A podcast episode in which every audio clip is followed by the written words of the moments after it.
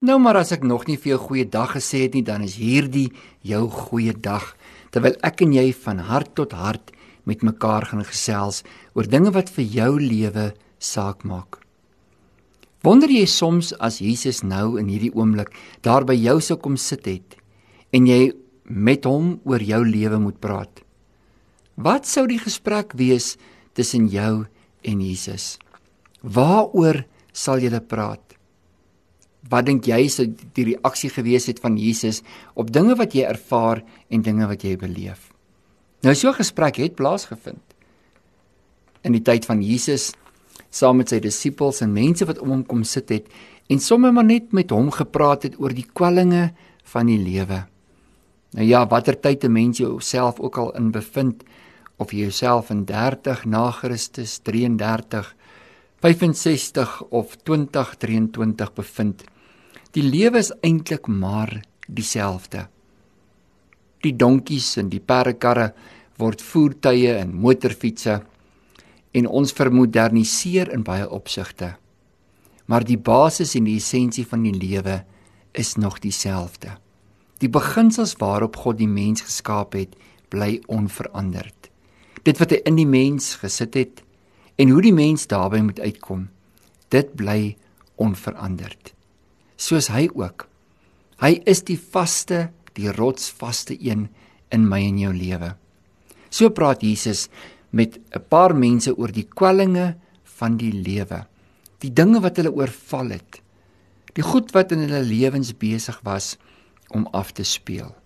Ja, daar was dinge van die van die regering van die dag Daar was dinge van gelowig wees en ongelowig wees. Daar was versoekinge en beproewinge. Daar was 'n dryf en 'n ambisie wat hier en daar sy kop uitgesteek het in die gesprek wat Jesus met hierdie mense gehad het. Daardie gesprek is onder andere in Matteus 6 vers 33 en 34 te vind. Kom ek lees dit vir jou Afrikaans 53 vertaling. Jesus sê: "Maar soek eers die koninkryk van God en sy geregtigheid en al hierdie dinge sal vir julle bygevoeg word. Kwel julle dus nie oor môre nie, want môre sal oor hom oor sy eie dinge kwel. Elke dag het genoeg aan sy eie kwaad.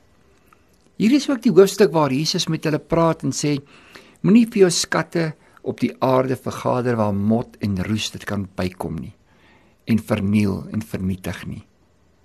Maak vir jou 'n skat bymekaar op daardie plek waar ewigheidswaarde in jou lewe is. Ja, makliker gesê as gedaan. Ek weet nie van jou nie, maar as ek so na dinge om my kyk, dan wil 'n mens 'n kwelling hê oor môre. Daar is verseker baie dinge waar ek en jy bekommerd kan raak op hierdie stadium. Miskien is daar persoonlike goed in jou lewe waaroor jy baie baie bekommerd is vandag in hierdie oomblik. Dalk is dit ekonomies, polities, sosiaal, dalk kultureel. Baie dinge wat op die front van ons land gebeur, nie net in Suid-Afrika nie, maar ook reg oor die wêreld gebeur. Die mense van ons tyd is mense wat met angs en bekommernis gevul is. Wanneer jy by die apteek kom en wanneer jy met dokters praat en veral psigiaters, dan sal jy agterkom wat die toename is in mense wat angsaanvalle kry in hierdie tyd. Selfs gelowiges word oorval deur vrees. Ons is so in dit wat gister gebeur het en so in dit wat môre gebeur dat ons lankal die teenwoordigheid van God in ons hier en ons nou verloor het. Daardie bewuswording soos daardie dag op die see toe Jesus sê in hierdie stormagtige waters is ek saam met julle. Moenie dink omdat ek stil is dat ek nie beheer het nie. Moenie dink dat as jy dink ek slaap, dat jy sal omgaan en heen gaan nie. God weet hoe om te kyk aan na die wat aan hom behoort. Nou in daai oomblik kon Petrus en al die disippels gesê het: "Maar Here, gee U nie om nie." En so het hulle ook inderwaarheid. Gee nie om nie, Here, ons is besig om te vergaan. Ons word oorweldig en oorval deur al hierdie goed wat om ons besig is om te gebeur, Here. Gee U nie om nie. En die antwoord en die terugvoering wat Jesus gee is klein gelowiges. Hy spreek hulle geloof aan wanneer hulle met Jesus begin redeneer oor die tye en die dinge wat om hulle gebeur en hoe hulle self bevind in daardie tye en omstandighede. En dan gee Jesus hierdie lewensverrykende verander veranderlike beginsel. Alles kan verander in jou lewe as jy verstaan wat Jesus in hierdie oomblik aanspreek. Want ons soek na baie dinge. En daardie dinge wat ons soek, word die fokuspunt. Dit dryf ons. Dit het ons volle aandag.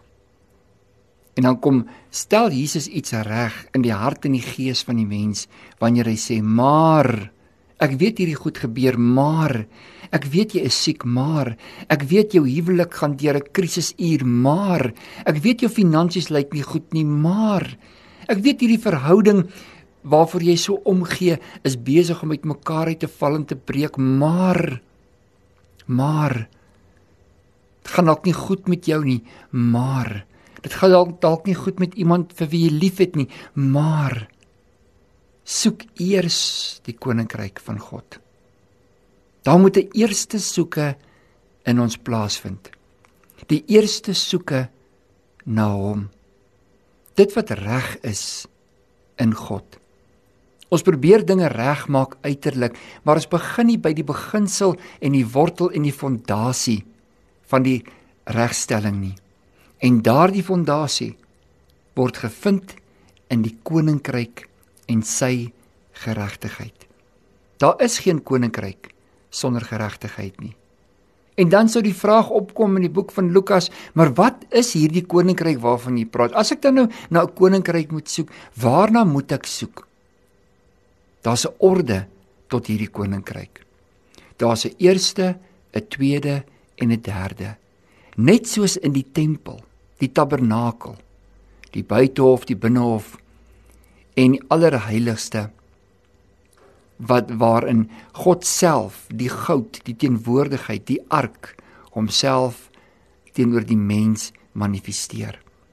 Ons is so besig met die uiterlike dinge. Ons probeer so baie goed quick fix dat ons nooit by God kom sit en sê Here, is die gees van hierdie ding reg? Is ek in lyn met die woord? Is my gehoorsaamheid nog in plek, Here? Of probeer ek 'n prestasie behaal in my ongehoorsaamheid? Probeer ek om iets te doen te midde daarvan dat ek nie belyn is met u woord nie? Ek verwag resultate van waarheid, maar ek beoefen nie die waarheid nie. Ek doen nie die waarheid nie. Ja Here, ek glo nie eens in die waarheid nie. Dis dan wanneer Jesus sê: "Dis hoekom jou kwellinge so groot is." Dink jy regtig dis jou harde werk wat die voorsiening bring? En ja asseblief, moenie ophou om hard te werk nie. Maar moet nooit jou harde werk as 'n plaasvervanger sien vir die genade waarmee God jou toebedeel om gesondheid te kan hê, om krag te kan hê en om in staat te kan wees om te doen wat jy besig is om te doen hoe hard jy ook al werk.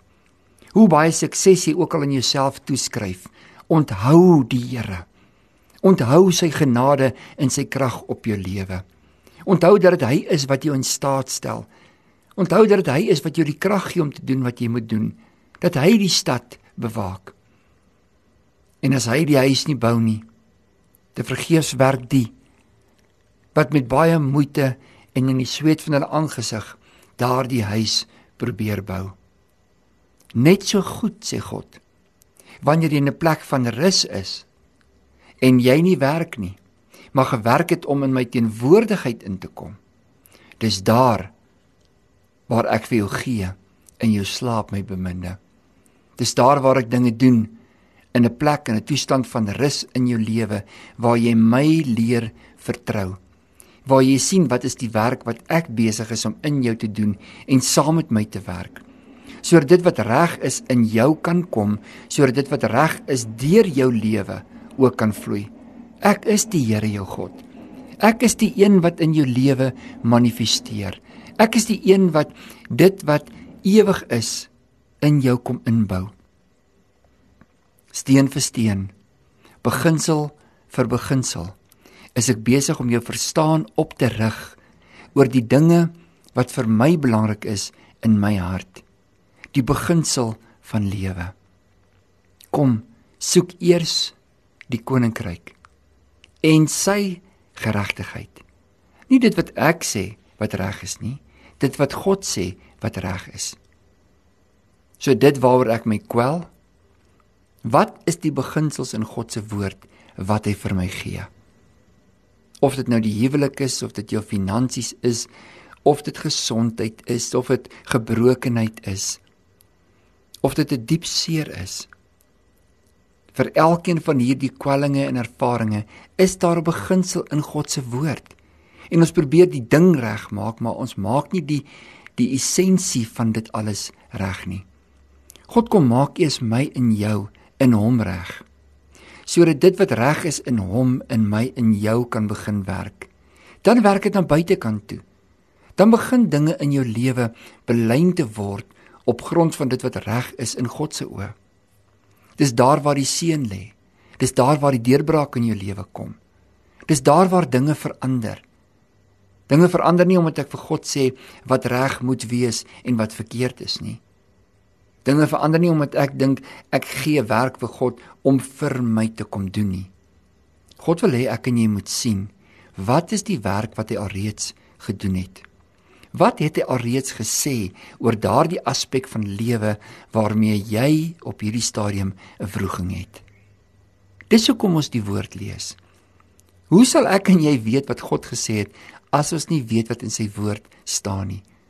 Hoe sal ek en jy weet hoe Jesus met alledaagse mense oor alledaagse detjies en duitjies gesels het en watse beginsels hy vir hulle gegee het as ek en jy nie die woord lees nie? En dan soek baie mense die antwoord in dit wat hulle lees. En dan sê hy, weet julle dan nie dat ek die vervulling van die skrifte is nie. As jy my hart ken, dan is die woord die gevolg. Maar as jy die woord moet doen omdat die woord net so sê, dan is dit 'n wet in jou lewe. Jy doen dit nie van harte nie. Jy doen dit nie omdat jy my liefhet nie. Jy's nie werklik bevry van die wet af nie. En die wet word dan vir jou 'n krag om te sondig. Die Here sê wanneer jy my hart ken, dan sal jy die merk nie mis nie. Dan weet jy dat daar dinge is wat jou geoorloof is om te doen, jy mag dit doen, maar jy doen dit nie eens nie. En dan is dit nie meer 'n ek mag dit nie doen nie. Dis 'n wil. Dis wanneer die hart van God in die hart van jou as mens so gegroei het dat jy sê ek kan maar ek wil nie. Hierdie ding is my geoorloof, maar Here, dis nie die regte ding vir my om te doen nie. Daar is 'n beter weg. Dis die gevolg van om die koninkryk van God te kom soek. Ja, ek weet jy soek blydskap. Ek weet jy wil bly wees. Ek weet jy wil vervuld wees in jou lewe. Ek weet jy soek na betekenis en dieper betekenis in hierdie fase van jou lewe vir jouself. Maar ons vind dit nie in die dinge wat buite om ons is nie. Ons vind dit in die werk wat Jesus in ons kom doen. Daardie belyning van die koninkryk. Dis daar waar vrede uit geregtigheid uitkom. Dis daar waar die blydskap die gevolg van die vrede is wat hy in ons vestig. Jy is geroep tot so 'n lewe. Dat jou lewe gevul is met die blydskap van die Heilige Gees omdat jy vrede in jouself het.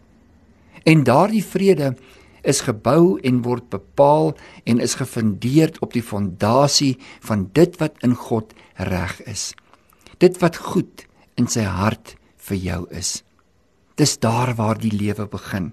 Dis daar waar ek en jy vir vandag vir mekaar kan sê, dit begin maar by die koninkryk.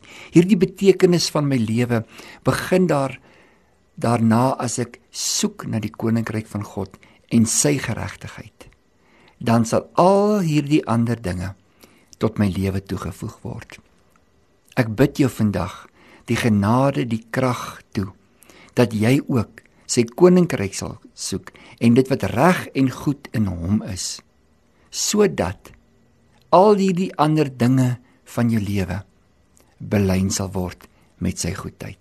In Jesus naam. Amen.